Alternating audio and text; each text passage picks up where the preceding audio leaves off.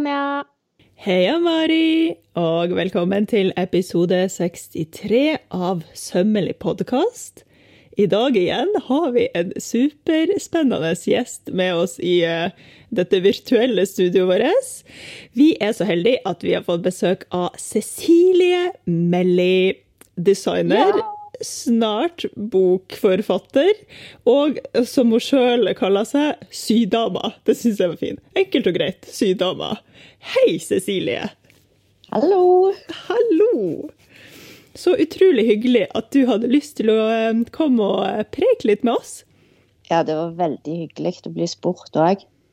Veldig stas. Og vi kjenner jo deg som eh, kanskje litt sånn eh, ja, du sier jo sydama, men jeg føler at liksom når jeg tenker på navnet ditt, så tenker jeg på selskapsstøy og party og fest og uh, bryllup og staselige begivenheter.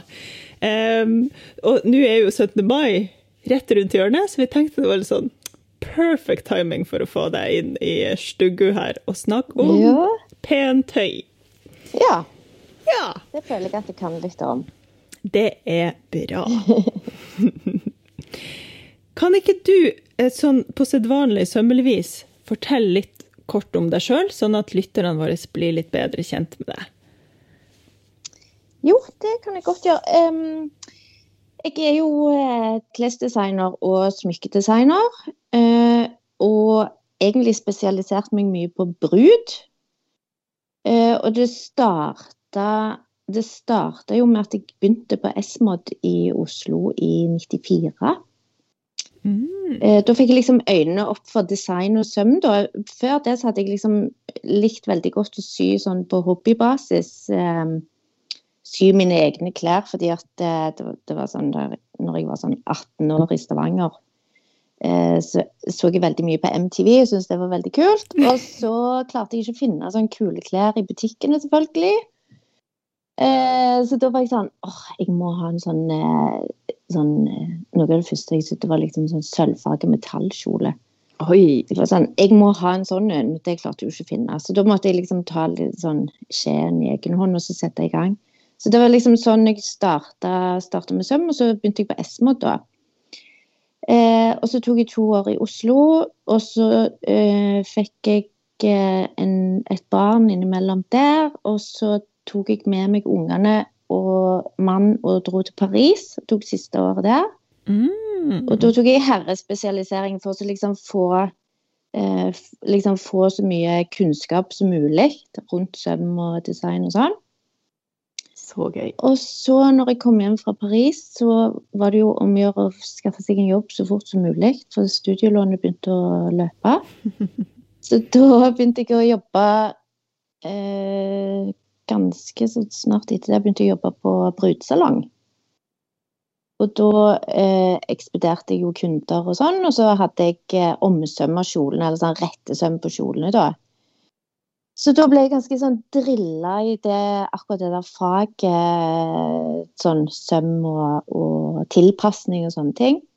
Og så var det liksom at jeg hadde lyst til å starte for meg sjøl. Så da fortsatte jeg med brudekjoler i i et sånt segment der jeg følte det mangla noe.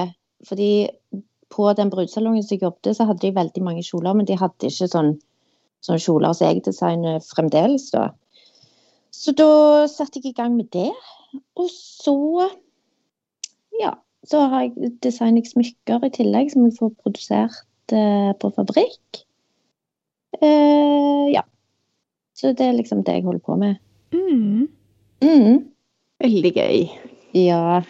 Og jeg ante ikke at du hadde drevet med herreting i, i, tillegg, så det kjenner jeg at eh, det må bli en annen gang. fordi nå har jeg en haug med spørsmål, men det, det, er ikke i manus.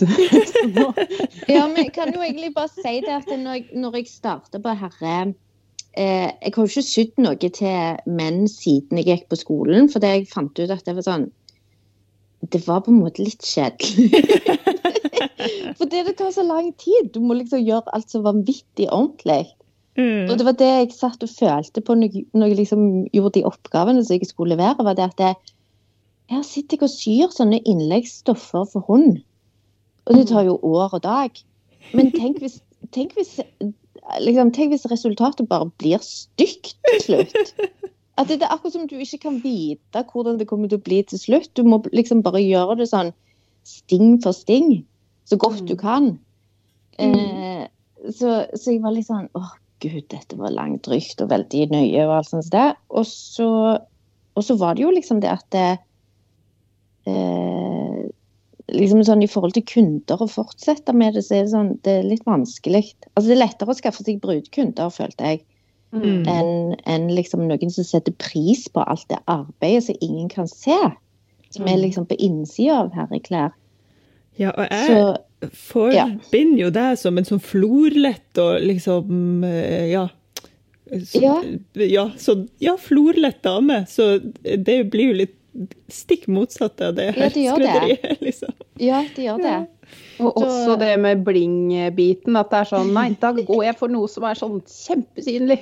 Med perler og Det er veldig Ja, det gøy. er akkurat det. Det var liksom helt omvendt av det jeg liker, egentlig. Også, Ja. og jeg var jo veldig sånn Men, men det, jeg syns jo det er veldig spennende med, med veldig sånn, eh, sånn teite rammer rundt Jeg Mm. liker veldig godt å ha stramme rammer rundt, eh, rundt et prosjekt, fordi at det, det er jo på en måte da magien oppstår når du har begrensninger. Og det var det jeg syntes var litt sånn spennende med Herre, var det at det, det er så veldig lite du kan gjøre. Du kan ikke liksom pynte med ting og sånn, for det, det, det ser litt sånn utspjåka ut. Mm. Så, så jeg syns det var litt sånn spennende at hva kan jeg gjøre uten at det blir for mye, liksom. At du, du blir jo veldig, veldig, veldig begrensa, men det var liksom en utrolig sånn spennende energi som oppsto med det òg. Ja. Så, så sånn sett så følte jeg egentlig ikke det var så veldig langt, eh, langt ifra det jeg holdt på med. Det var bare andre enden av skalaen, liksom. Mm. Mm. Gøy. Ja, Ja. det er veldig gøy. Det er det som er så gøy med, med herreklær. For jeg har jo også jobba med det på skolen og savner det skikkelig. Så den derre grensa, liksom, med hva, med hva som er innafor, det er veldig spennende. Mm. Og for da har du jo egentlig holdt deg til eh, stort sett brud i ganske mange år, og litt sånn pentøy utenom brud også, har jeg hatt inntrykk av i hvert fall. Mm. Eh, og nå lager du en bok om det temaet, hvis jeg ikke tar helt feil. Ja, det stemmer. Jeg har jo eh, Det var jo liksom før, før koronaen eh, slo til, så var jeg i en sånn der Jeg begynte å bli litt, miste sånn motivasjonen. Jeg følte at eh, livet mitt gikk sånn på loop. Du har liksom atter en brudesesong, atter en, Mm. eh, en eh, varetell... Jeg var så lei av de varetellingene. Bare se de samme stoffene ligge der på lager og bare Å, gud, jeg orker ikke dette en gang til. Mm. Så jeg, så jeg var litt sånn eh, Og da hadde jeg liksom butikk i Oslo og eh, et studio på 200 kvadrat og mange ansatte og alt dette her. Og så var det liksom det at ting, eh, ting begynte å gå litt eh, dårligere sånn økonomisk, fordi at det, Ja, det var bare tiden vi levde i. Så da, to, da fikk jeg liksom sjansen. Da hadde jeg et bitte lite sånn vindu der alle kontrakter var ferdig, og liksom jeg, måtte i så fall tegne nye leiekontrakter og liksom litt sånn. Og så har jeg ei datter som var klar til å begynne på skolen, så da var jeg sånn Å nei, nå, nå kan vi prøve noe nytt. Nå er liksom sjansen til å teste noe nytt. Så da flytta vi til Drøbak, og jeg liksom la ned alt av studio og butikk og alt sånt. Og så tenkte jeg at sånn, nei, nå er jeg ferdig med søm og design, og dette, dette gidder jeg ikke mer. Eh, og så, men så kom jo eh, koronaen, og da var jeg jo egentlig sjeleglad for at jeg hadde tatt det valget, og liksom Ja. Mm. sånn avslutta ting og flytta og Altså, det, det, det kunne ikke liksom Det kunne ikke passet bedre, egentlig. Mm. Eh, så, så nå har jeg liksom sittet hjemme, da, og så, og så ble jeg litt sånn Ja, jeg tar litt brudebestillinger. Egentlig koser meg veldig mye med det. Men så er det sånn Nå, nå har jeg fått tilbake gleden over liksom mitt eget arbeid og, og liksom entusiasmen med å liksom få vist fram hva jeg holder på med. og alt sånt. Eh, men det er jo begrensa hvor mye én person klarer å liksom produsere og, og sende ut på markedet og, og selge og ja, alt det der. Mm. Eh, så da tenkte jeg at det, åh, det er jo litt eh, fint hvis jeg kan, eh, kan få gi ut en bok, sånn at jeg liksom kan skape litt engasjement rundt det faget, liksom. Og, og, og, lære folk å lage de plaggene mine sjøl. At folk kan gjøre det sjøl. Eh, så, så det var egentlig tanken bak den boka. At jeg tar liksom sånn typisk som er mine design. Og så og viser hvordan du, du kan få det til på egen hånd, da. Så det, målet mitt med boka er at folk skal liksom få den gleden med å kanskje teste ut disse litt sånn vrange stoffene som jeg bruker. Eh, og så er boka eh, liksom, Du trenger ferdighetsnivå fra, helt fra nybegynner og oppover. Det er liksom litt deg sjøl som bestemmer hvilket nivå du vil legge deg på, ut ifra hva type materialer du velger. Mm. Eh, til et plagg. da. Altså, jeg har liksom vist i boka, der er det mange mye sånn klassikere som jeg har hatt opp igjennom, og noen nye design òg. Og så viser jeg liksom forskjellige eksempler med forskjellige materialer. Eh, sånn at man kan liksom velge ut ifra ferdighetsnivå. Ja, så det, det, føler jeg det kommer til å bli veldig gøy. Og så, ja, så håper jeg at jeg kan komme litt i dialog med folk som setter i gang med disse prosjektene. og ja, litt sånn. Gøy. Veldig gøy. Artig, artig. Og det er første boka di, ikke sant? Ja. Ja. Å, er du ikke litt sånn ekstra spent når det er første Jo, vet du hva. Jeg bare Jeg blir så gira. Eh, fordi at jeg gleder meg til den dagen jeg kan stå med det der produktet i hendene. Jeg tror jeg kommer til å bli så stolt av meg sjøl at jeg kommer til å sprikke. Det, jeg bare ser sånn fram til den dagen bare sånn Dette har jeg lagd. Og det, akkurat den følelsen har jeg jo opplevd liksom, mye med kjoler og sånn. Men det kan være liksom at jeg har blitt litt immun mot Jeg blir ikke så fornøyd med meg sjøl sånn, hver eneste gang jeg syr en kjole.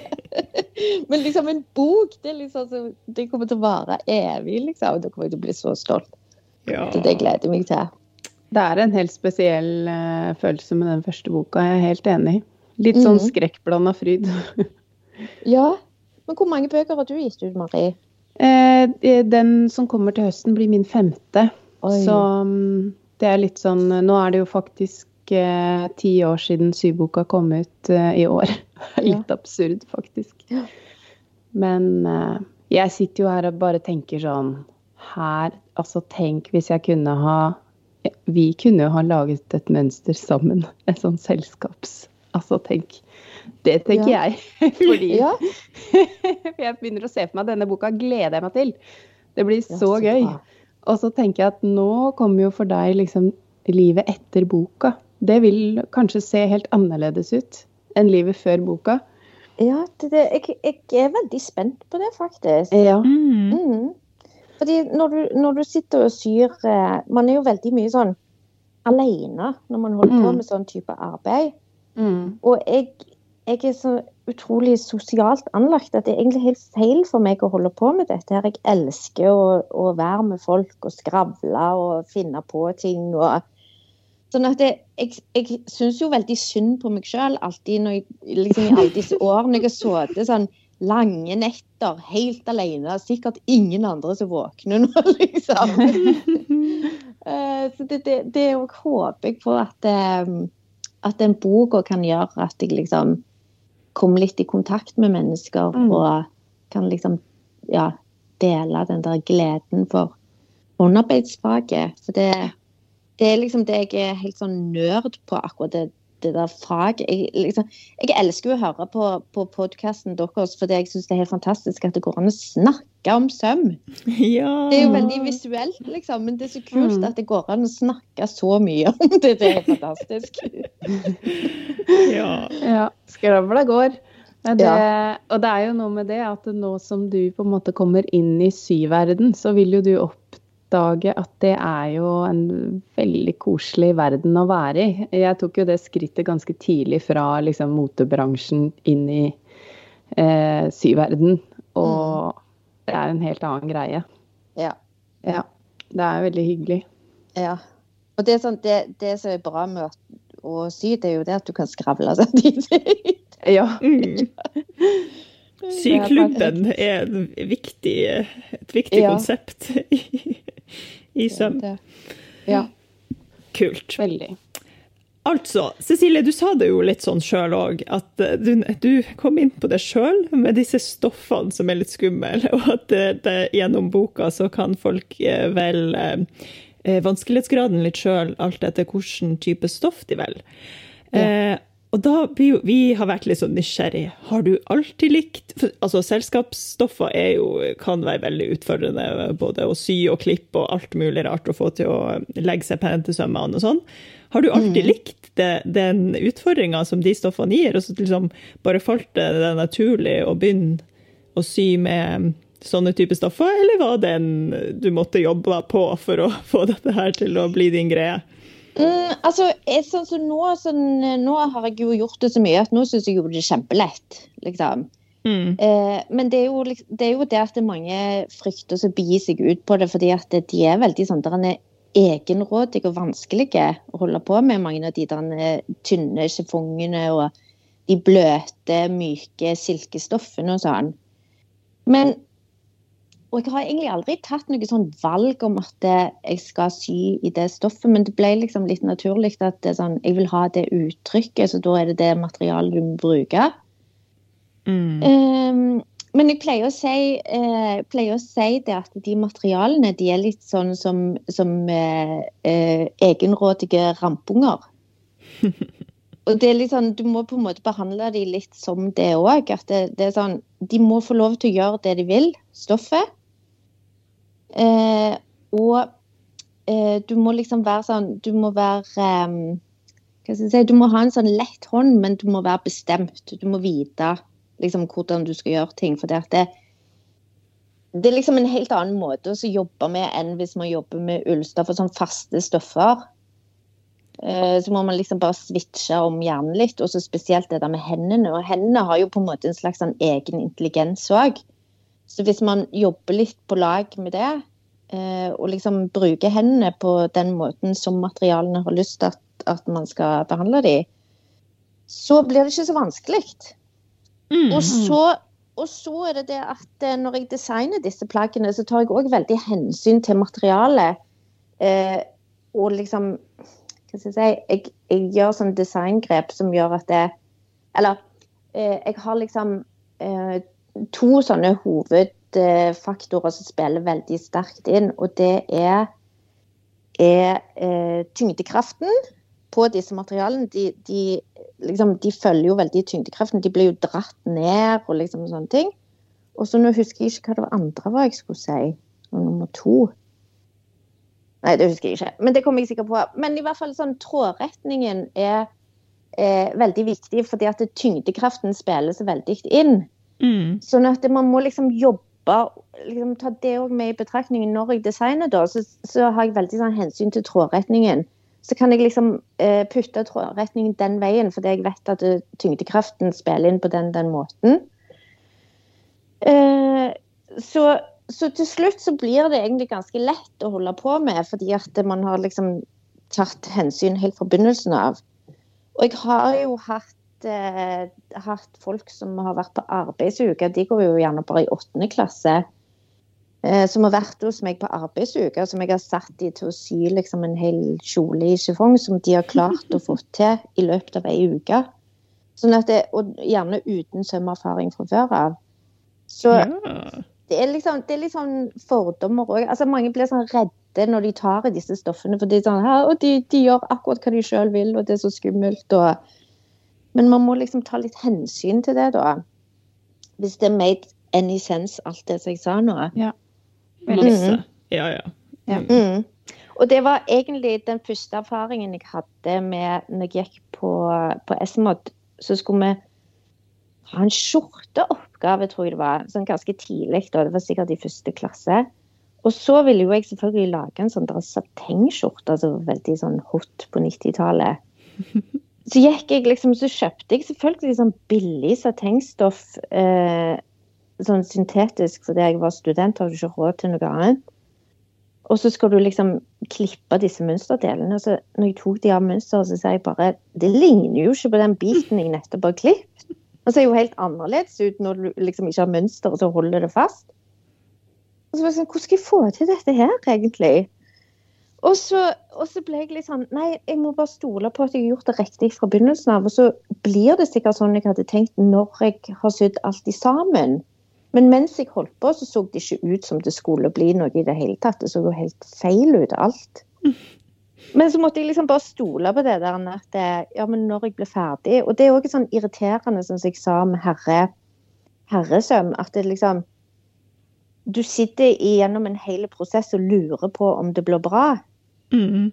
Men så må du bare fortsette, fordi at det, det er sånn Ja, men det kan bli bra hvis jeg bare gjør sånn som jeg har tenkt, men det ser ikke sånn ut nå. Så da jeg var ferdig med den skjorta, så så han jo ut sånn som jeg hadde tenkt at han skulle gjøre. Men det var liksom en sånn skikkelig sånn skrekk å sitte og holde på med det. Så jeg skjønner jo på en måte at folk er sånn Nei, dette ser ikke ut som det kommer til å bli noe i det hele tatt, liksom. Men jeg tror det er veldig bare- Unnskyld. Ja, nei, jeg skulle bare si at man må liksom bare stole på Så lenge man i- i- er nøye fra begynnelsen av å gjøre det riktig, så må du stole på, på det du sjøl har gjort, liksom. Og at det kommer til å bli bra til slutt. Mm. Det er sånn life lesson, egentlig. Jeg tror veldig mange syns det er veldig deilig å høre. Det tar nok litt av liksom brodden av hele den opplevelsen. Fordi det er så lett at man mister litt sånn piffen akkurat i den fasen. Mm. Veldig bra tips. Mm. Og jeg tenker òg, bare um, siden du nå har utrolig mye erfaring med det her, og kan bekrefte eller avkrefte dette, vi har jo sagt det før òg, naturfiber er så mye enklere å jobbe med enn syntet, eh, uansett hva slags Mm. type stoff. Er du enig eller uenig, Cecilie?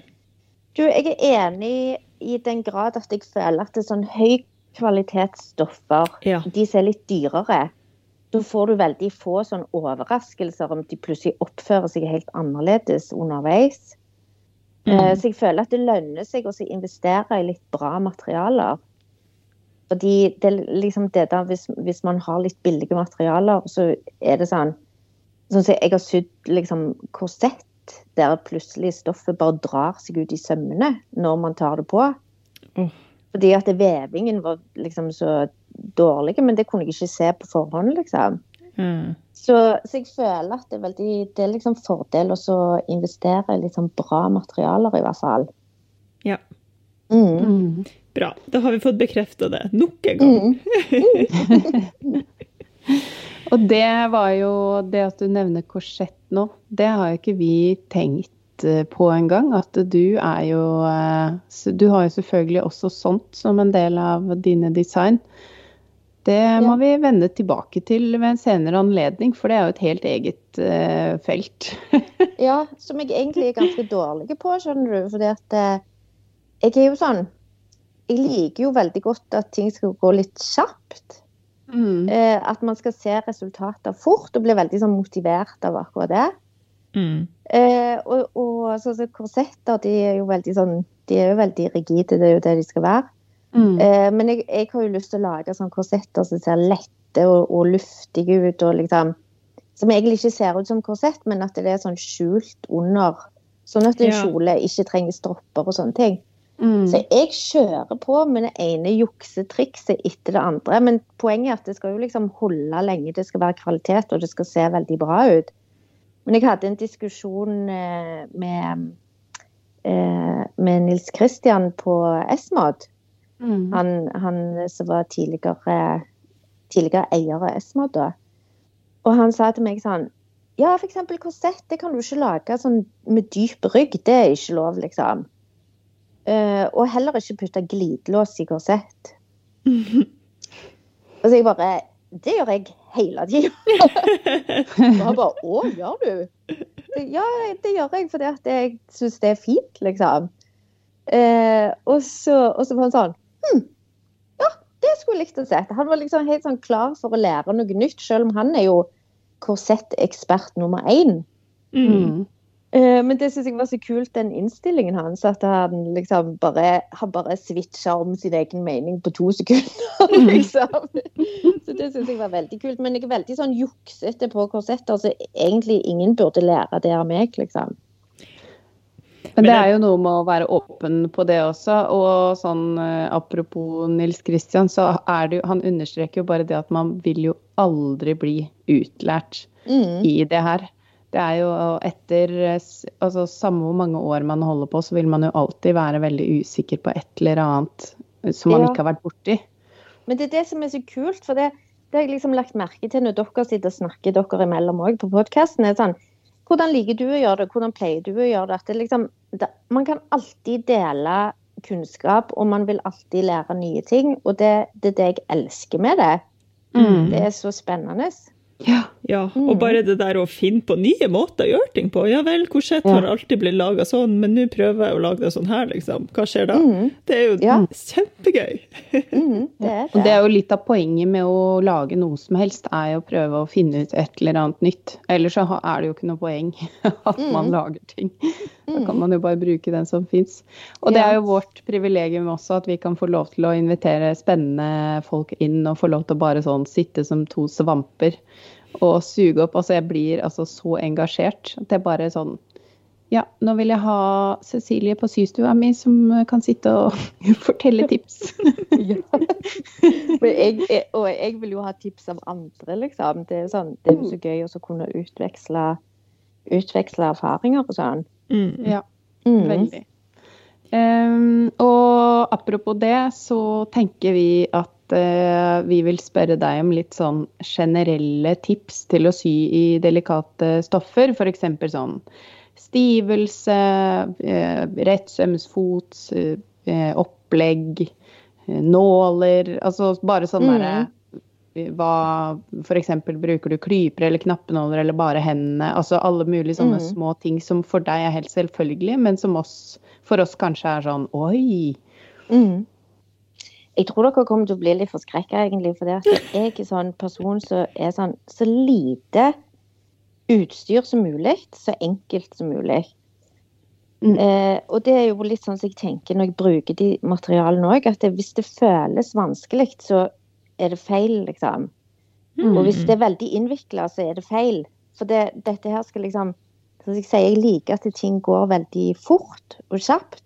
Men det skal se ekstremt bra ut, og det skal være veldig bra òg. Eh, så jeg, eh, jeg eh, er jo sånn at mm, Hva skal jeg si?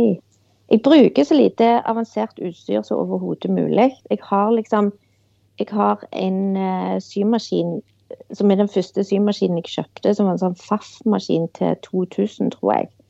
Oh. Eh, med sånn rettsømsmaskin, eller sånn vanlig husholdningsmaskin, da. Mm. Jeg har mange andre maskiner òg, men denne her er sånn type som jeg vender tilbake til hele tida. For det, det, sånn å, nå må jeg ta fram den maskinen, for den er så bra. Eh, så, det, så, så enkelt. Så det, når noen spør meg om tips til symaskin, så er det litt sånn selvfølgelig må du spørre hva, hva de skal bruke den til. Men jeg er alltid sånn så enkelt som mulig. Ikke Mm. masse jeg, jeg bytter nesten aldri føtter på liksom, trykkfot når jeg syr. Eh, jeg bruker tråd som, som jeg kjøper liksom sånn billigste sytråden. Jeg bruker bare én type nål når jeg syr, og det er de 80 nålene som du kjøper i bulk. Mm. Ja, 80 på chiffon også? Ja. Ja. Spennende. Ja, bare kjøre på så enkelt som mulig. Og det er egentlig Jeg har tenkt litt på det, for det var ei venninne som sa til meg en gang Hun sa eh, du blir ikke god forfatter bare for- fordi du skriver med gullpenn. Mm. Og det er litt sånn jeg føler at det er sånn Du blir ikke god av å sy fordi du har det beste utstyret. Mm. Liksom, keep it simple og bare gjør det så enkelt som mulig. Og det er òg litt fordi at det skal gå an å kunne prestere bra under hvilken som helst forhold, liksom. Det, det har alltid vært litt sånn viktig for meg at jeg skal klare å få til bra ting selv om selv om jeg ikke har akkurat den ene tingen som du trenger for å være flink, liksom. Skjønner du Mm. hva jeg mener? Ja, ja. Ja. Vi har, dette har vi snakka om før også. Jeg vet ikke om vi har sagt det på podkasten eller bare utenom, men jeg også har veldig lite utstyr, fordi hendene gjør jo jobben, liksom. Mm. Og det er litt deilig å ikke ha så mange ting, og bare vite at man klarer det. Selv om man har lånt en maskin og tatt den med på hytta, på en måte, så kan man fortsatt gjøre det. Mm. Ja, det er akkurat sånn jeg òg tenker. At det er liksom det, det er ikke utstyret det skal stå på, det er liksom den Mm. kunnskapen du har, og de hendene som har gjort ting mange ganger før, og litt sånn, da. Ja. Nå Mm. bør det jo kanskje også nevnes at den maskinen kosta kanskje 2000 på 90-tallet. Eh, vil jeg tro. Hvis det Ja. var den første. Så den ville kanskje ligget på mer sånn fem i dag, da. Ja, men jeg tror det var den aller billigste. Eller kanskje ikke Ja. den aller billigste, men kanskje det hakket over. Mm. Mm. Det har nok Faktisk. også skjedd en del med produksjonen av symaskiner siden den gang. eh, Ja, fordi ja. jeg husker liksom overgangen da jeg jobba i sybutikk fra de sånn Altså når det begynte å bli litt mer sånn dårlig kvalitet, da. Sånn, eh, Mm. Eh, sånn at, bare sånn at ikke folk nå skynder seg og kjøper den billigste maskinen og forventer å bli Cecilie Melli. Ja. Men jeg mener litt sånn eh, Man skal kunne klare altså, å lage, lage de kreasjonene som jeg lager, det skal du kunne klare å lage på liksom, de enkleste, enkleste maskinene. Ja. Men nå er jeg veldig glad i overlock òg, da. Mm. Jeg var sånn Jeg fikk eh, besøk av eh, Kjell Nordstrøm en gang på studioet. Sånn helt i begynnelsen av karrieren. Og, og da så han på en kjole, så, så sa han bare Har du fått ny overlock, eller? At det, det er liksom en kjole jeg har så sydd hele kjolen bare med overlock. Ja. Det er også veldig typisk han, for han er jo litt sånn som kan komme med sånne morsomme Ja, sånne ja. frekke kommentarer som ingen klarer å matche. ja. Men da følte jeg at jeg liksom ble litt sånn dronningen av overlock, på en måte. Ja. Ja, men det er fint det å omfavne det når man liksom har funnet noe man liker. Ja, og det, og det gjør jo altså Akkurat de der materialene som jeg jobber med, det gjør jo liksom alt litt enklere eh, hvis man har en overlockmaskin òg, da. Ja. Mm. For det, det liksom eh, så Når vi snakker om kanting, så er det jo Det, det var jo liksom en eh, veldig sånn eh, Skal jeg si Når jeg lærte meg sånn rullekant, rullesøm, Mm. det bruker jeg jo overalt. Til alt mulig. Mm. Mm. Sånn til finish, altså på en rå kant, da. Ikke Altså inni har du kanskje franske sømmer eller vanlig overlocksøm, kanskje? Vet ikke. Jeg bruker for det meste vanlig overlock. Sånn Mm. fire, firetråds sømmer inni. Mm. Eh, men òg faktisk når jeg syr chiffon, så syr jeg det sammen med rullekant. Ja. Du gjør det? Ja. Mm. Fordi at uh, chiffongen er jo gjennomsiktige. Mm. Mm. Eh, så for at det skal bli så pent som mulig, så, så syr jeg eh, stoffene sammen. Når jeg syr chiffongskjørt, f.eks., Mm. så syr jeg de sammen med, med rullekanten. Og den sømmen sitter veldig Altså, den er jo så tynn. Men den sitter, sitter, sitter veldig godt, nettopp pga. at kanten blir rulla inn. Så du får liksom Mm. sånn du får, Det vil ikke skli ut, liksom. Men der òg har jeg sånn triks, da, som er sånn eh, juksetriks, holdt jeg på å si, på sånn Det som jeg sa med at jeg syr med de, de 80-nålene på chivon.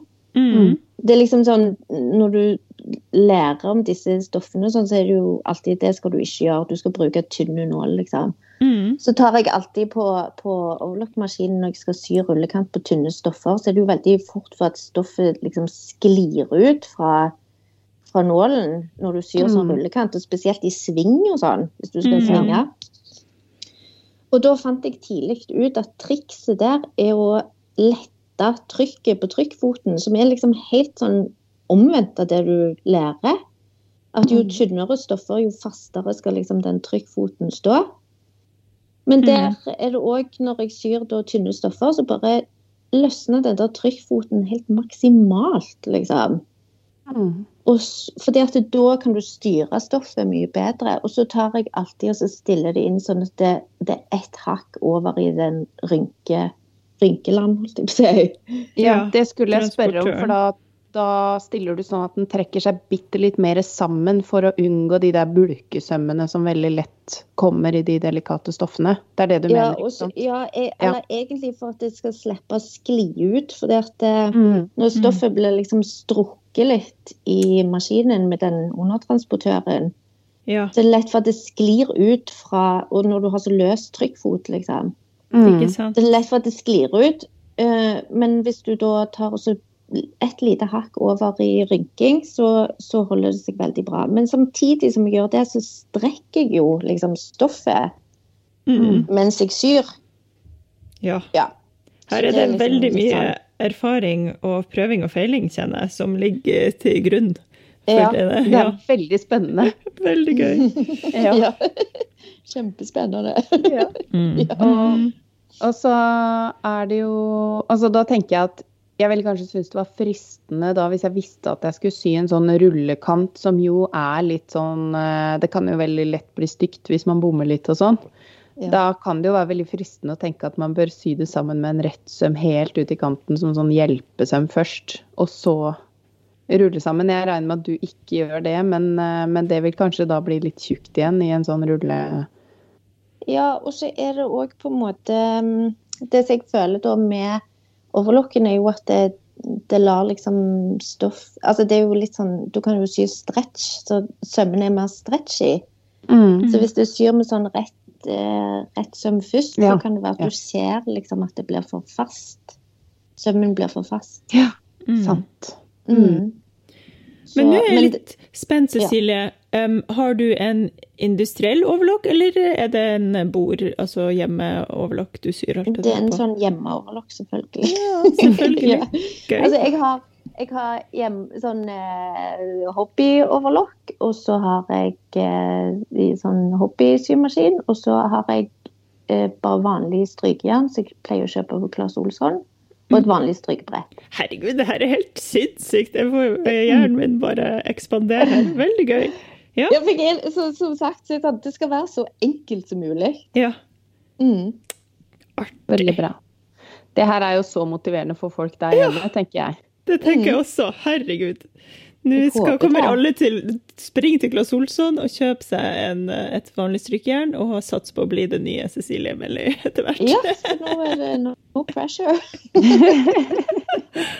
Alle kan klare dette her. Men Hva slags prisklasse er det strykejernet i, bare sånn så folk vet sånn cirka hva de skal se etter? Ja, jeg pleier å kjøpe det som har litt sånn bra dampfunksjon. Så det ligger på sånn 700, tror jeg. Ja. Mm. Men jeg er, jeg er litt storforbruker av strykejern. For det når du, når du Og sammen med symaskinnåler, som jeg vet at dere har Mm. snakket om før, er at eh, jeg bytter jo nål med en gang jeg har truffet en knappenål, f.eks., eller noe sånt. Mm. Så er det bytta nål. Jeg bytter nåler hele tida, for det ellers så kan du oppleve at det drar ut tråder og stoffet, og det blir ikke noe fint. Og Mm. strykejern, hvis de detter i gulvet, som er liksom når du holder på i kampens hete, så er det jo veldig fort at det strykejern ramler i gulvet. Ja. Og Mm. da, eh, da må du bytte det ut, liksom, fordi at det har fått seg en liten, et lite hakk i, i jernet, sånn at det lager merker på stoffet og sånne oh, ja, ting. sånn, ja. Ja. Ja. Nå skal jeg komme med en innrømmelse. Jeg har mista midt i gulvet mange ganger, og eh, det har jeg Jeg har bare tenkt sånn Det virker fortsatt. Jeg stryker videre. Ja, ja, men så lenge de ikke lager noen merker, så er det jo helt greit, liksom. Ja, for det, hvis Men du får et lite hakk som kan dra opp en liten tråd i stoffet, det har jeg opplevd, og det er det verste. Du har det. Ja. Åh, ja. Mm. Mm. Yes. Ja. Hatt flaks, jeg, da. Ja, det vil Ja. jeg si. Yes. Men så Ja, kult, så herregud! Ja, Ja. dette her forventer jeg ikke i det hele tatt. Nå tenkte jeg sånn, nå kommer Cecilie til å komme med de villeste tipsene som folk, alle lytterne får helt bakoversveisa, og så blir de, får de panikk og kommer aldri til å tørre å sy i uh, fine stoffer. Men det her var jo utrolig uh, over en lav sko, da. Fantastisk. ja, og jeg får sånn, det sånn Folk ler av meg hele tida fordi at jeg sier det er kjempelett, du gjør bare sånn og sånn og sånn. Men det er jo utrolig lett det jeg holder på med. Eh, Men jeg har jo prøvd å feile veldig mye for å finne fram til den enkleste metoden. Liksom. Det er alltid målsettingen målsetningen min å finne den korteste veien og den enkleste måten å gjøre ting på. Mm. Mm. Det tror jeg egentlig eh, Jeg ble veldig sånn eh, drilla når jeg jobbet på brudesalongen òg. Der, der lærte jeg utrolig mye sånn juksetriks på hvordan man skal få et bra resultat kjapt. Ja. Mm. For der hadde vi jo liksom masse kjoler i uka som ble levert ut til, til bruder. Og da, da var det eh, helt i begynnelsen, når jeg jobbet der, så fikk jeg beskjed om at det, du er nødt til å klare å sy rettesøm på syv kjoler til dagen. Det er absolutt minimum, liksom. Å, herlighet. Eh, vi er nødt til å ha liksom, resultater på syv kjoler. Jeg, jeg var litt sånn det, det går jo ikke. Det, liksom, det, var så, det var så mye. Bare de der kjolene med sånn langt slep som du skal legge opp liksom, rundt hele for hund. Mm. Uh, så jeg tenkte, det, det er jo helt umulig. Og hun som sa det til meg, jeg var litt sånn Hun kan jo ikke sy sjøl, så hun har ikke peiling, liksom.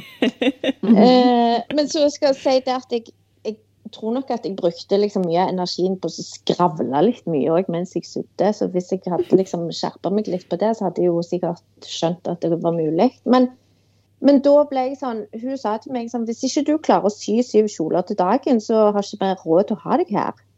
Mm. Og så var jeg sånn OK, det, jeg har liksom aldri fått sparken fra en jobb før. Det var en veldig sånn ekkel følelse.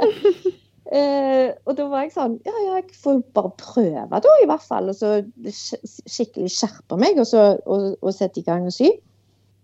Og da, da eh, fikk jeg ei uke på meg å liksom bevise at dette her var mulig. Hvis ikke så måtte jeg gå og lete en annen jobb, liksom. Og, da, og så fikk jeg det til.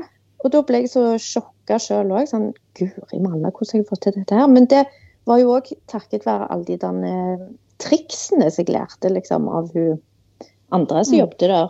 Mm. Eh, så det, jeg er jo en sånn racer på juksing, men juksing på den måten som, som man kan stå for, liksom. Man, man kan være åpen om det og, og liksom vise hva man har juksa med, men det er, det er fullt akseptabelt, fordi at det, det, det er en option til liksom, sånn som du lærte det på skolen, og sånn som det egentlig Mm. skal gjøres. Mm. Så jeg elsker, jeg elsker å jukse, jeg elsker at ting går kjapt, og at det er lett å få det til, og at det er enkelt. Det er jo Veldig gøy. Ja, og mye av det å være flink til å sy handler jo om nettopp det å lære seg sin måte å gjøre ting på. Så egentlig er det jo ikke juksing. Man kaller det juksing fordi det ikke er den gamle skolen. Mm. Men, eh, men det er på en måte din greie. Og Mm. jeg syns det er det morsomste med å sy. At det er sånn Oi, se hva jeg tenkte ut i dag. Dette her er jo egentlig helt feil, men det ble kjempefint. Ja. Mm. Jeg tenker at Så lenge resultatet er pene sømmer og bra resultat, så er alt lov. Det er litt sånn som i krig og kjærlighet. Alt er lov. Så lenge Ja. liksom målet er det. Mm. Ja. Nå sier du jo egentlig at du jobber veldig rett fram. Ikke noe, det er ikke noe stivelse inne i bildet her, som mange kanskje tenker at å, man må jo i hvert fall ha noe spray, eller altså Det er, det er typisk sånne ting som, som spesielt kanskje nybegynnere Mhm. fokuserer på. liksom hvordan eh, Jeg husker jeg lærte at man kunne ha sånn matpapir eller mønsterpapir under eh, stoffet og over stoffet som en sånn sandwich. eh, Når man Mhm. sydde chiffon f.eks. For, eksempel, for å holde kontroll på det. Mm. Eh, det trikset hjalp ikke meg veldig, men, men det var liksom typisk sånn en av tingene man har hørt, da. Og at man kan bruke sånn spray. Da lukter det jo veldig parfymert, eh, spør du meg. Ja. Men eh, ja, masse, masse sånt. Men du holder det enkelt. Rett og slett. Ja, jeg gjør Ja. det så Ja. enkelt som mulig. Mm. Eh, men igjen så tror jeg at det er på grunn av at eh, mønsteret liksom er konstruert med tanke på at man skal bruke de stoffene. Ja. Sånn at det som regel så en søm jeg syr er, faktisk, er liksom som regel i trådretning. Mm. Mm. Eh, jeg, bruker ikke, jeg bruker jo ikke andre mønster eh, som ikke er lagd med tanke på, på det materialet. Mm. Sånn at det ehm, Ja, så jeg, jeg bruker liksom litt tid i den designprosessen da for å så få, få det enkleste plagget som ser som ser helt smashing ut, liksom. Mm. Så, så det er litt sånn tid uh, i den prosessen.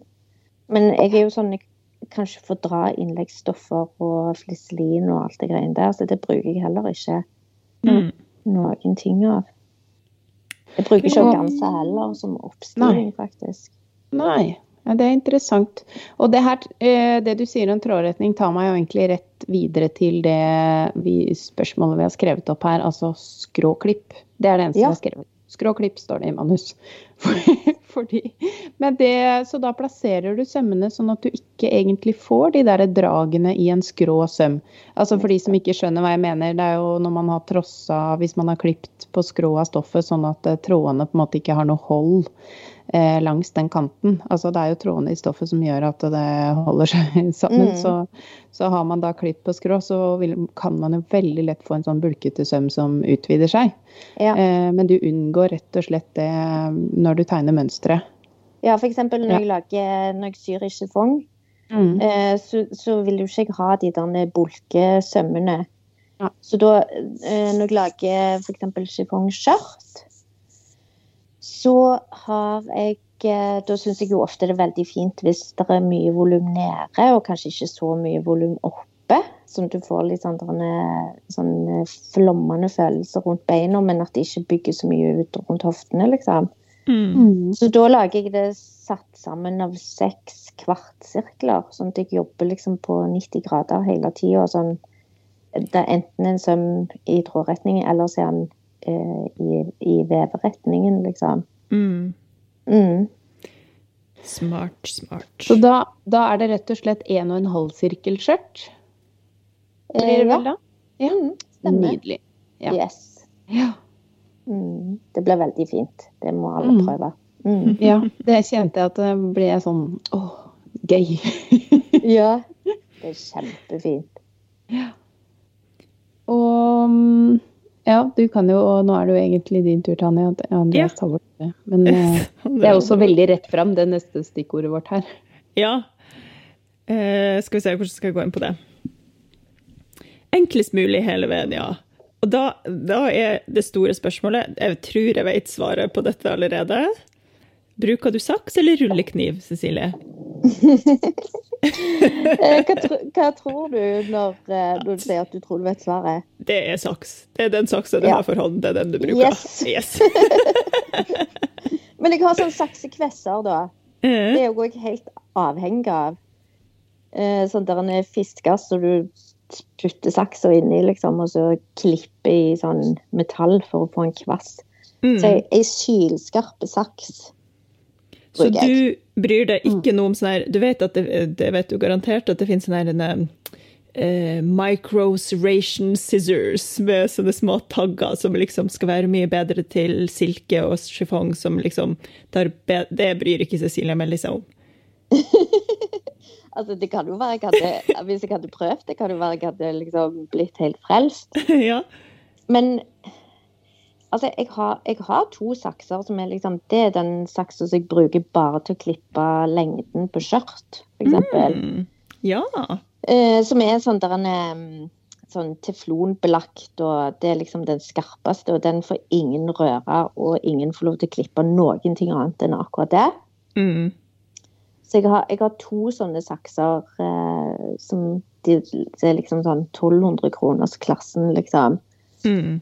Men stort sett så bruker jeg bare vanlige sånn eh, fiskerstoffsakser. Så jeg bare kvesser de hele tida. Ja. Mor, mor mi var så irritert når jeg var liten, for jeg brukte stoffsakser hennes til alt mulig. Samme her. og så til og med klipte ståltråd med han. Så jeg fant ut at hvis du tar åpne sakser maksimalt, og så klipper ståltråd helt innerst For det, akkurat det innerste punktet der, det vil du aldri, aldri bruke til noe annet uansett, liksom. Du, du åpner jo aldri saksa sånn helt sånn opp så mye du klarer når du skal klippe noe stoff. Da, da klipper du sånn klipp, klipp, klipp. Så da satt jeg og klippte ståltråd sånn helt innerst der, og hun bare Hva er det du holder på med? så jeg sånn Mamma, du kommer aldri til å bruke den kanten av saksa uansett, så bare slapp helt av, liksom. Så jeg er liksom fan av at man kan liksom ha så lite utstyr som mulig. Ja. Men jeg har et triks til strykejern. Som jeg egentlig skulle si i sted når det var snakk om strykejern. Mm. Og det er det at det er så mange som sier sånn Ja, men strykejernet mitt renner så mye. De tror liksom de må ha et sånn fancy dampjern hvis de skal sy. For det, det er litt sånn krise hvis det renner vann ut av strykejernet når du holder på med disse tynne, fine silkestoffene. Da blir det jo flekker med en gang. Mm. Eh, så, så når du liksom setter, setter strykerne på silke, det er vel kanskje to prikker eller én prikk, eller hva det er, så kan du jo ikke bruke damp, for da renner jo vannet ut av.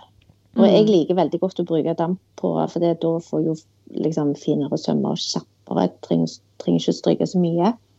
Så det som jeg gjør da med disse vanlige strykejernene, at jeg sjekker, for det alle jernene er jo helt individuelle, så du må sjekke litt med ditt eget jern.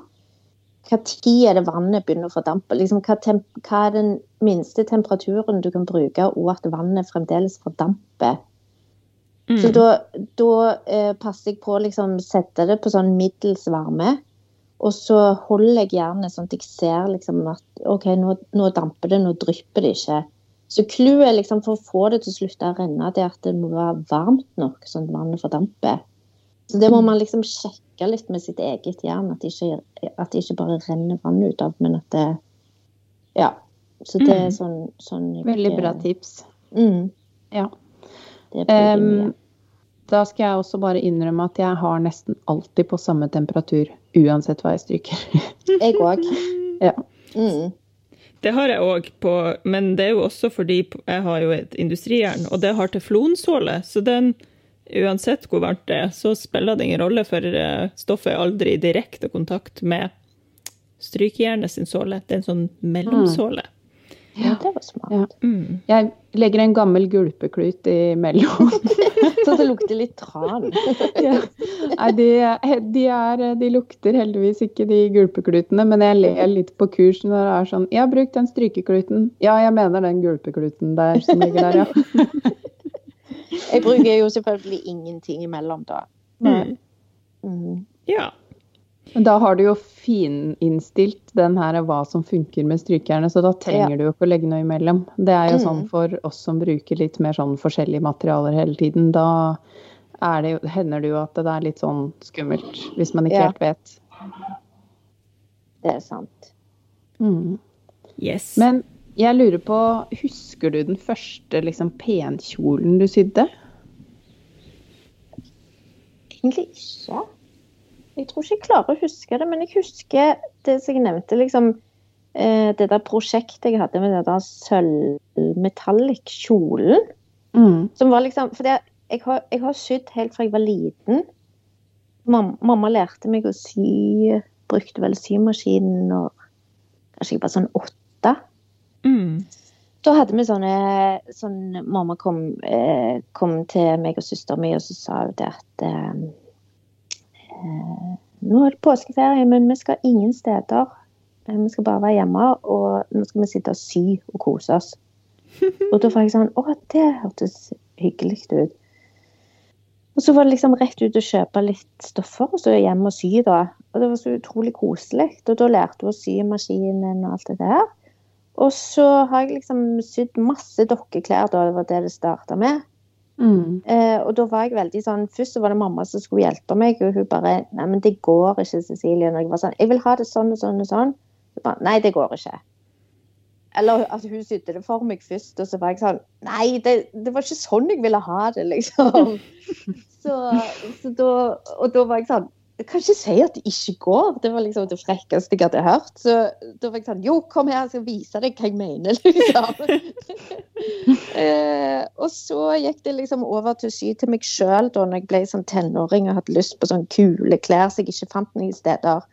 Og da var det sånn Jeg hadde jo ikke penger heller, så jeg ønskte meg stoff til jul og til bursdagen og sånne ting. Så da fikk jeg eh, penger til å gå og kjøpe stoff, og så kjøpte jeg et sånn sølv stoff som var helt rart, egentlig, når jeg tenker meg om. Det var sånn, akkurat som det var litt sånn jersey på baksida, og så var det liksom belagt med en sånn sølvmaling eller noe sånt. Nydelig. Sånn at det var helt sånn speilblankt, for det var jo det jeg ville ha. Mm. Jeg ville ha en kjole som var helt sånn speil, liksom. Og så, og så var det sånn, når jeg fikk dette stoffet og begynte å klippe i det, så så jeg at den der strikkingen, den bare rakna med en gang. liksom, det, Stoffet beveget på seg, så bare Det var akkurat som sånn tynn strømpebukse, at det bare rakna opp. Mm. Sånn, Å, herregud, dette er helt krise. Altså, hva skal jeg gjøre da? Og, så, og da var det sånn eh, tekstillim rundt hele kanten. Liksom, en gang. Så, for jeg tenkte sånn, hvordan er det du gjør når du skal forsegle den der rakninga på strømpebuksa? Da er det jo gjerne neglelakk. Mm. Mm. Så da var det lim rundt hele kanten. Og så kom jo det der problemet når jeg skulle sy dette stoffet, at den malingen var sånn klissete, sånn at det gikk jo ikke gjennom symaskinen. Og da var det sånn Å, OK, men da får jeg ta så eh, Da setter jeg en sånn teip under trykkfoten, og så eventuelt liksom brukt som matpapir for å så få det til å gli, da. Mm. Så det var liksom den første sånn der en sånn store store prosjektet der det var mye frustrasjon inni. Men jeg, jeg, fikk liksom mer tilfredsstillelse av å få det til, enn at jeg fikk sånn angst for at det var vanskelig, mm. liksom. Ja. Du høres ja. jo veldig sånn eh, problemløser-typen ut, da. Det er, så, det er, jo så, mange som Dette er jo tips man får, men som du bare sånn Nei, men nå tar jeg en teipbit under deg, det blir sikkert bra. Mm. men jeg er litt sånn Jeg, jeg klarer ikke å jeg takler ikke, jeg takler ikke motgang. Det er det verste jeg vet. Mm. Og jeg mm. blir sånn Nei, det er, ikke, det er, jo ikke sånn det skal Altså, jeg blir sånn Jeg må jo bare få det til, liksom.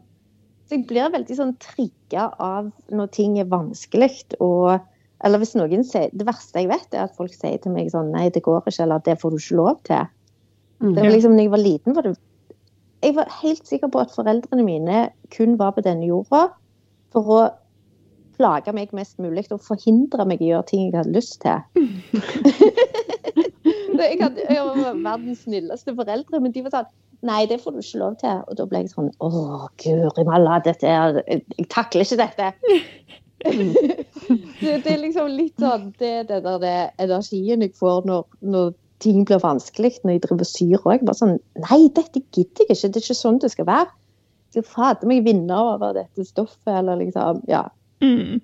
Så jeg blir litt sånn besatt, liksom, når, eh, det oppstår problemer.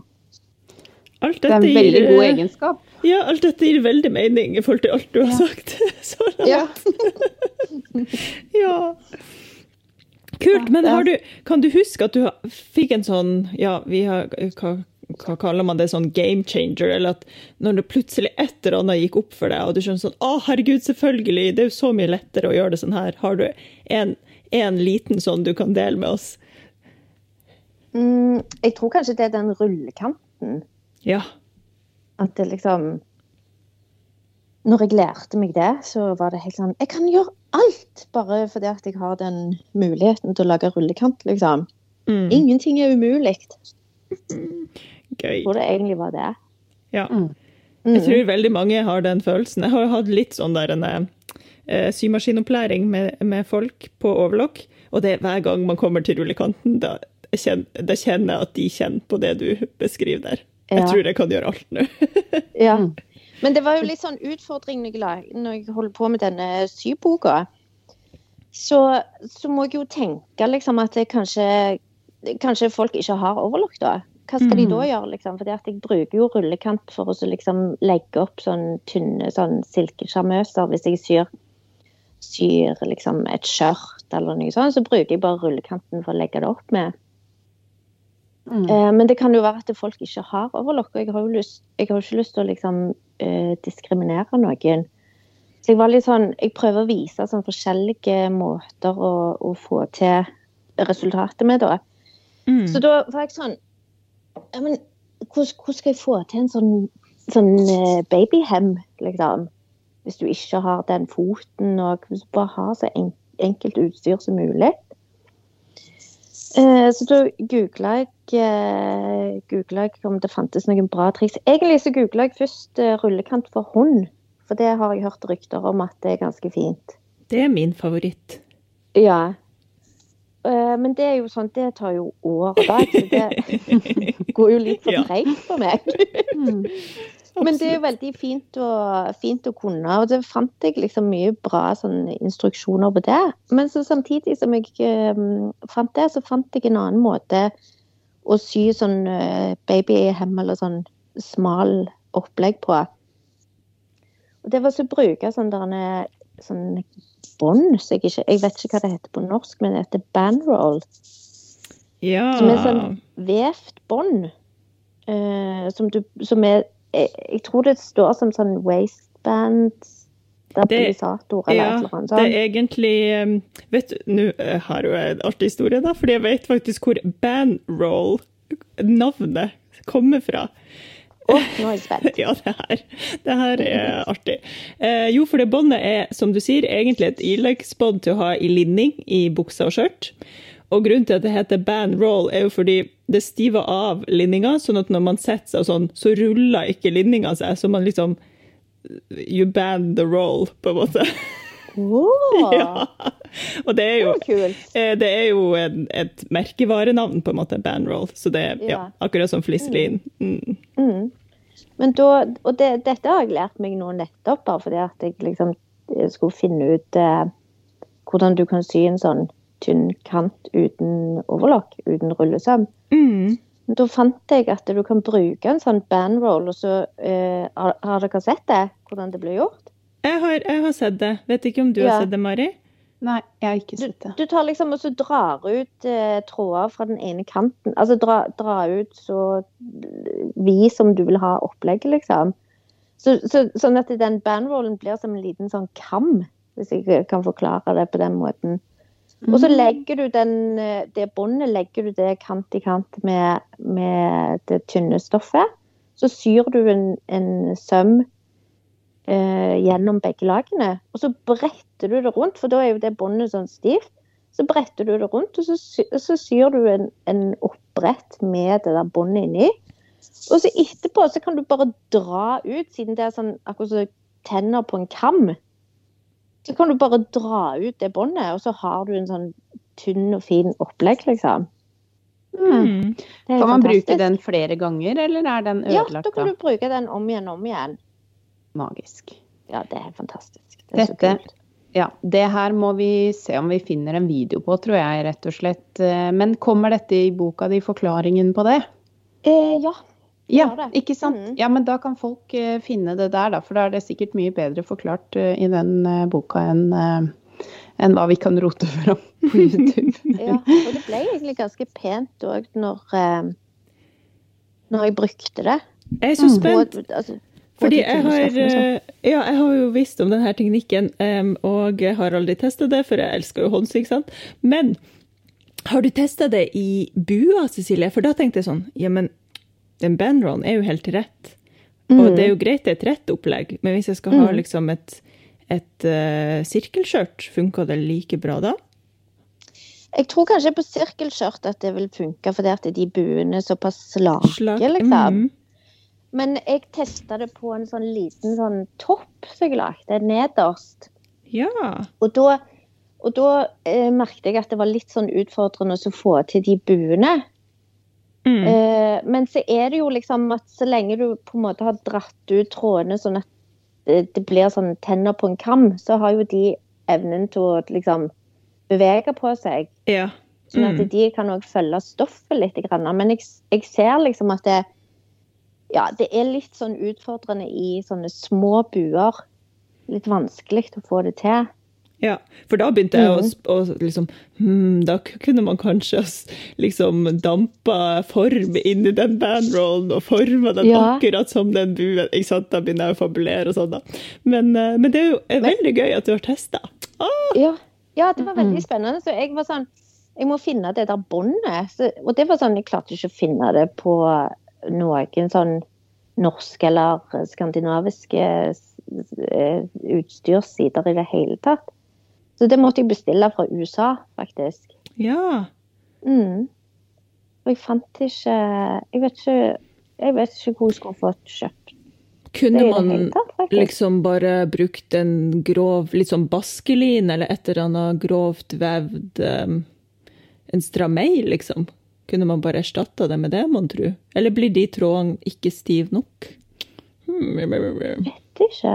Nei, det er vanskelig. Ja, Altså, det er sånn, man må i hvert fall Det må i hvert fall være sånn såpass stivt og eh, harde tråder at du ikke klarer å sy gjennom fibrene, liksom. Ja, ikke sant? De, de må liksom skli på hver side av, av nålen. For det, på den måten så klarer du å dra ut båndet. Mm. Så det må liksom være litt sånn plastaktig. Mm. Eller nylonaktig, eller hva jeg skal si. Ja. Mm.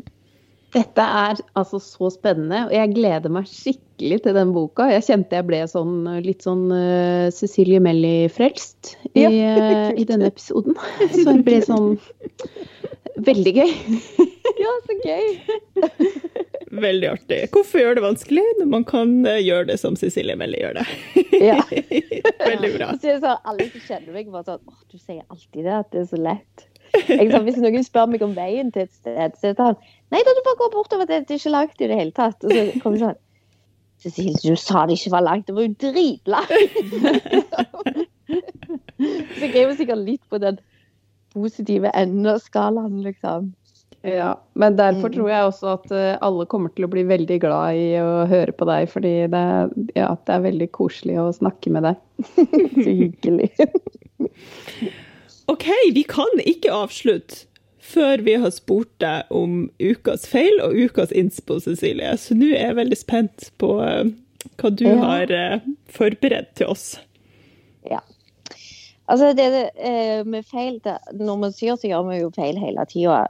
Og det er jo veldig kjedelig. Og så må man jo liksom være litt sånn skrudd i sammen at man har evnen til å liksom gjøre ting på nytt og sånn.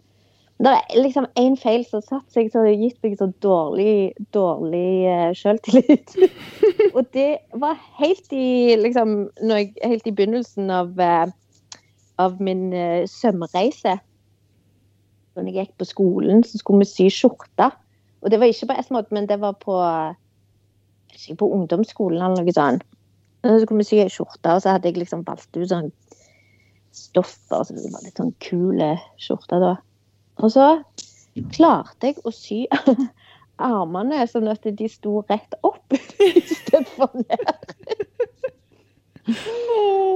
Og da husker jeg at jeg ble så sur, og så husker jeg at mamma hun lo så utrolig godt av det. Og hun er jo liksom verdens. Jeg, jeg tror aldri hun har ledd meg sånn opp i trynet før. Men hun klarte ikke å holde seg for bare dette synet den skjorta som er sånn Hjelp! Liksom.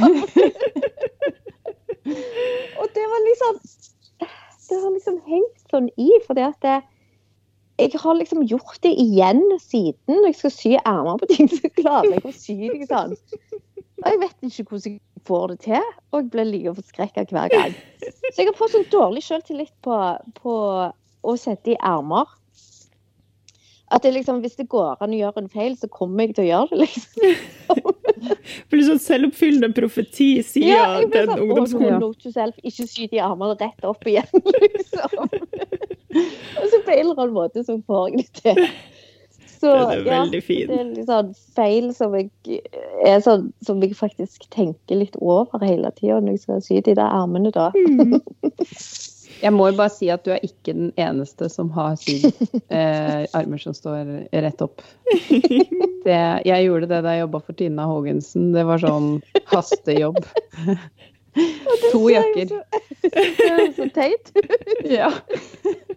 Det blir sånn, hva skal jeg bruke den jakken til, liksom? Ja. Nei, Da er det bare å ta et dypt pust og sprette opp. Og prøve igjen. Ja. Å ja, det er feil som sitter i, faktisk. Men du som er så sta og bestemt eh, på å få det til, du, du lar deg ikke knekke av et par ermer som står rett i værs? Nei, altså jeg er jo veldig sånn flink til å gjøre ting på nytt, og sånn, men det, som, Ja. det er liksom det at det ga den der selvtilliten en liten knekk med at sånn Ja. Å ja, jeg fikk til det, jeg, ja. Og så blir det sånn at sikkert litt sånn at jo mer du tenker på det, jo større sjanse er det for å liksom gjøre det feil igjen. Ja. Så ja. Da sitter folk og nikker hjemme, tenker jeg.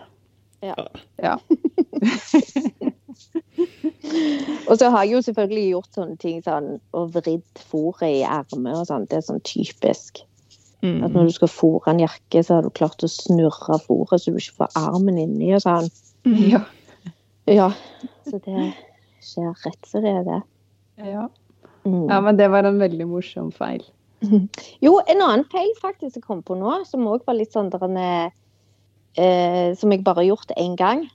Det var når jeg skal klippe, klippe lengden på sånn chiffongskjørt og sånn, så er det jo det at tyngdekraften gjør jo at det, det drar liksom stoffet nedover.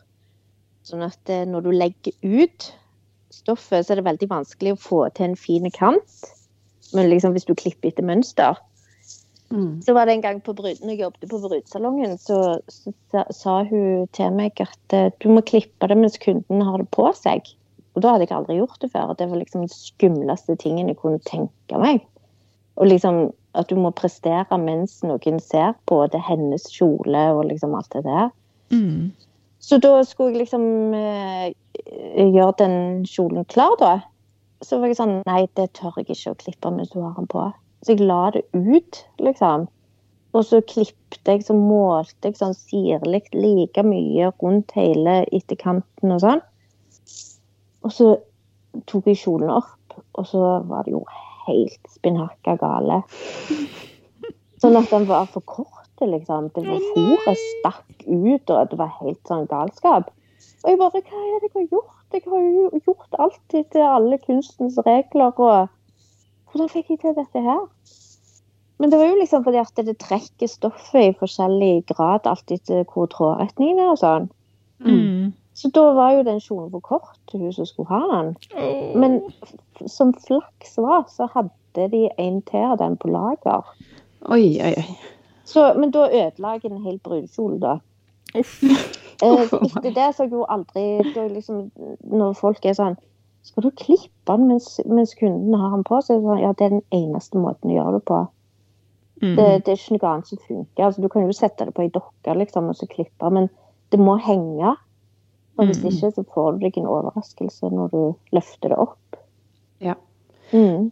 Har du noen regel for hvor lenge du lar ting henge ferdig før du klipper? Altså, for det er jo noe med å, å få, den, eh, få det til å dra seg ferdig, liksom. Mm. Og sige litt. Mm. Nei, har, nei, jeg har egentlig ikke det. Jeg har ikke, jeg har ikke sett så mye på det, faktisk. Mm.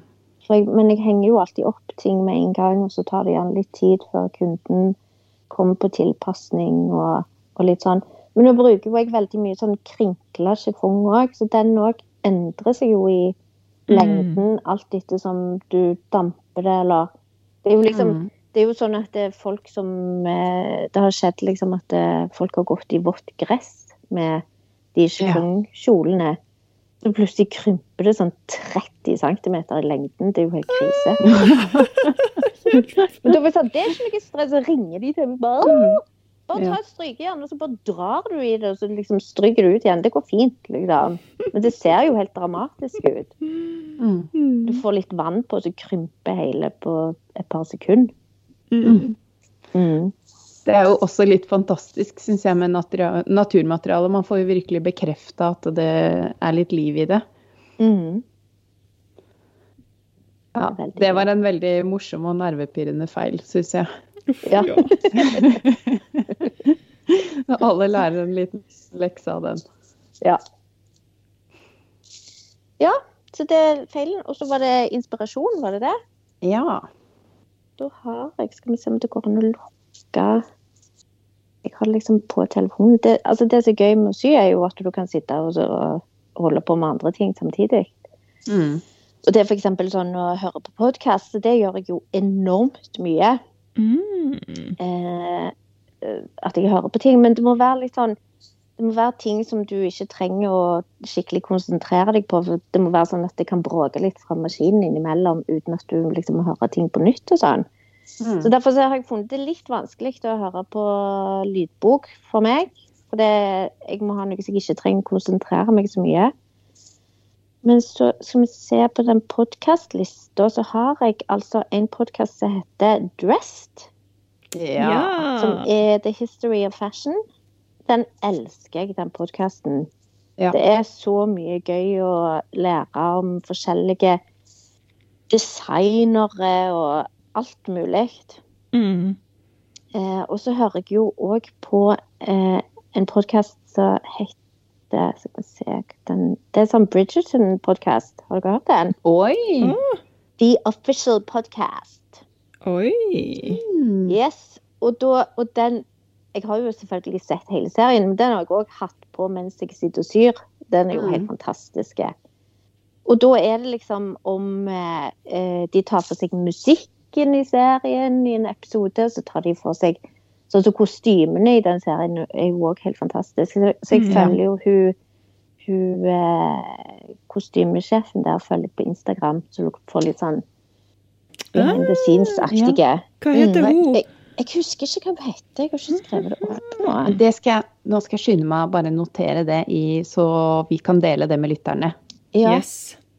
Eh, så den podkasten er jo veldig Det er ikke så mange episoder, for den er veldig ny, selvfølgelig. Den er veldig spennende. Eh, og så elsker jeg jo alt av sånn, sånn ordentlig spennende true crime-ting som egentlig ikke har noe med søm å gjøre i det hele tatt. Men det blir sånn, det er sånn gøy å ha. Og så har svensk eh, Sveriges Radio har en podkast som heter Stil. Har dere hørt om det? Ja. ja. Og den den er veldig, veldig spennende. ja. Mm. Den er Og fin. den Jeg vet ikke hva de kaller den podkasten Altså, den heter jo Stil. Jeg vet ikke hva den går under sånn ny kategori, men de har liksom sånn alt mulig som har med tekstiler eller stil eller design eller liksom, litt sånn forskjellige ting. Gøy. Mm. Den Ja, har jeg ikke er hørt om. gøy. Det er gøy. Ja, den må du gå inn og, så, og sjekke, for det er litt sånn noen episoder veldig sånn nerdete, eh, som går på bare på denim, liksom. Mm. Mm. Eh, og så er det noen som er litt mer sånn eh, de har, Jeg ser her de har en med Orson Wells og om bibliotekar. Bibliotek og bibliotekarer. Ja. Så det er liksom det er masse, masse forskjellige gøye, gøye temaer på den. Mm. Og så, eh, så tenkte jeg litt sånn over eh, hva jeg ble inspirert av sånn designmessig. Sånn, hva, hva, hva kilder jeg liker å oppsøke for å få inspirasjon i, i designprosessen. Og da vet jeg sånn på kjoler så er jeg veldig inspirert av eh, Holsten, f.eks. Et amerikansk eh, motehus fra kanskje sånn fra 70-tallet kanskje Mm. før det er 60-tallet. Eh, fordi at de Holsten har òg veldig sånn derne, eh, design som, som er veldig sånn enkle. Du kan liksom se at å ja, dette er liksom et sirkelskjørt. Og så lager de det sånn at det ser helt sånn fantastisk ut. Mm. Så jeg liker også å finne veldig mye inspirasjon gjennom de designene der, da. Men det som jeg fant ut nå når jeg liksom satt og googla Holsten for å eh, liksom, kunne snakke om det i dag, så fant jeg ut at det kom en serie på Netflix som heter Holsten. Som kom 14. mai. Mm. Der han eh, Ewan McGregor spiller Holsten. Oi, oi, Og den gleder jeg meg jo forferdelig Ja. mye til, selvfølgelig. For en timing. Ja, det Du nesten trodde du hadde en avtale med Netflix. Ja, sant. Men jeg, var sånn, jeg satt og googla det, for jeg liksom skulle se sånn Ja, hva liksom finne litt sånn eh, konkret informasjon om Holsten. Og så plutselig så ser jeg sånn To dager siden har CNN skrevet om den nye serien til Jeg bare what?! Og så inn på Netflix, og så, eh, så fant jeg liksom traileren. Og så, og så syns jeg det var så kult, da, for det, det er alltid sånn når du skal se en serie, hvis du må trykke inn den der foreldrekoden, så vet jeg at dette blir juicy og bra, liksom. Så jeg måtte trykke inn den PIN-koden for å kunne se traileren.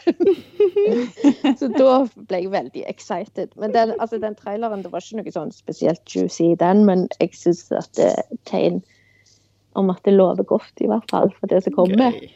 Mm. Gøy, gøy, gøy. Å, det var Ja. en veldig fin innspo. Takk, Cecilie. Ja, vi koser oss?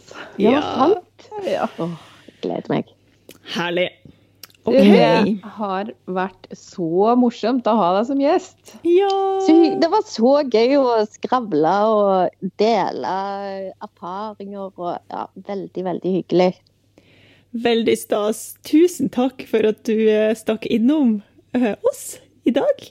Og Jo, masse takk lykke selv. til med innspurt på boka og med alt annet du har i kok nå. Takk. Mm. Så ses og høres vi plutselig igjen en vakker dag. Ja, det håper jeg virkelig. Det var så hyggelig.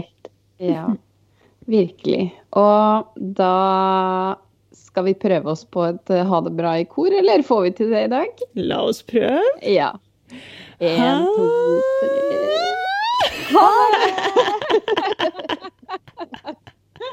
Den ble fin, syns jeg. Vi tar den.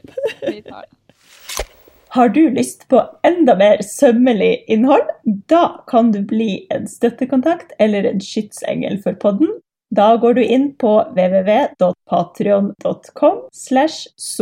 Der får du masse mer tips og triks, og kan også støtte podden, så vi kan fortsette å produsere det. Har du noe ris eller ros, eller har lyst til å følge oss på sosiale medier, så finner du oss på Instagram. Der heter vi sommerlig understrek podkast med K.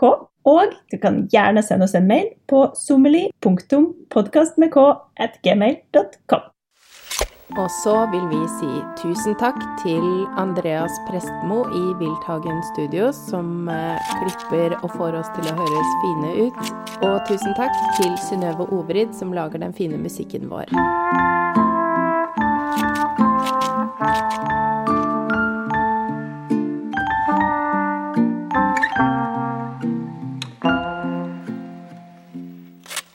www.patreon.com slash sommerli.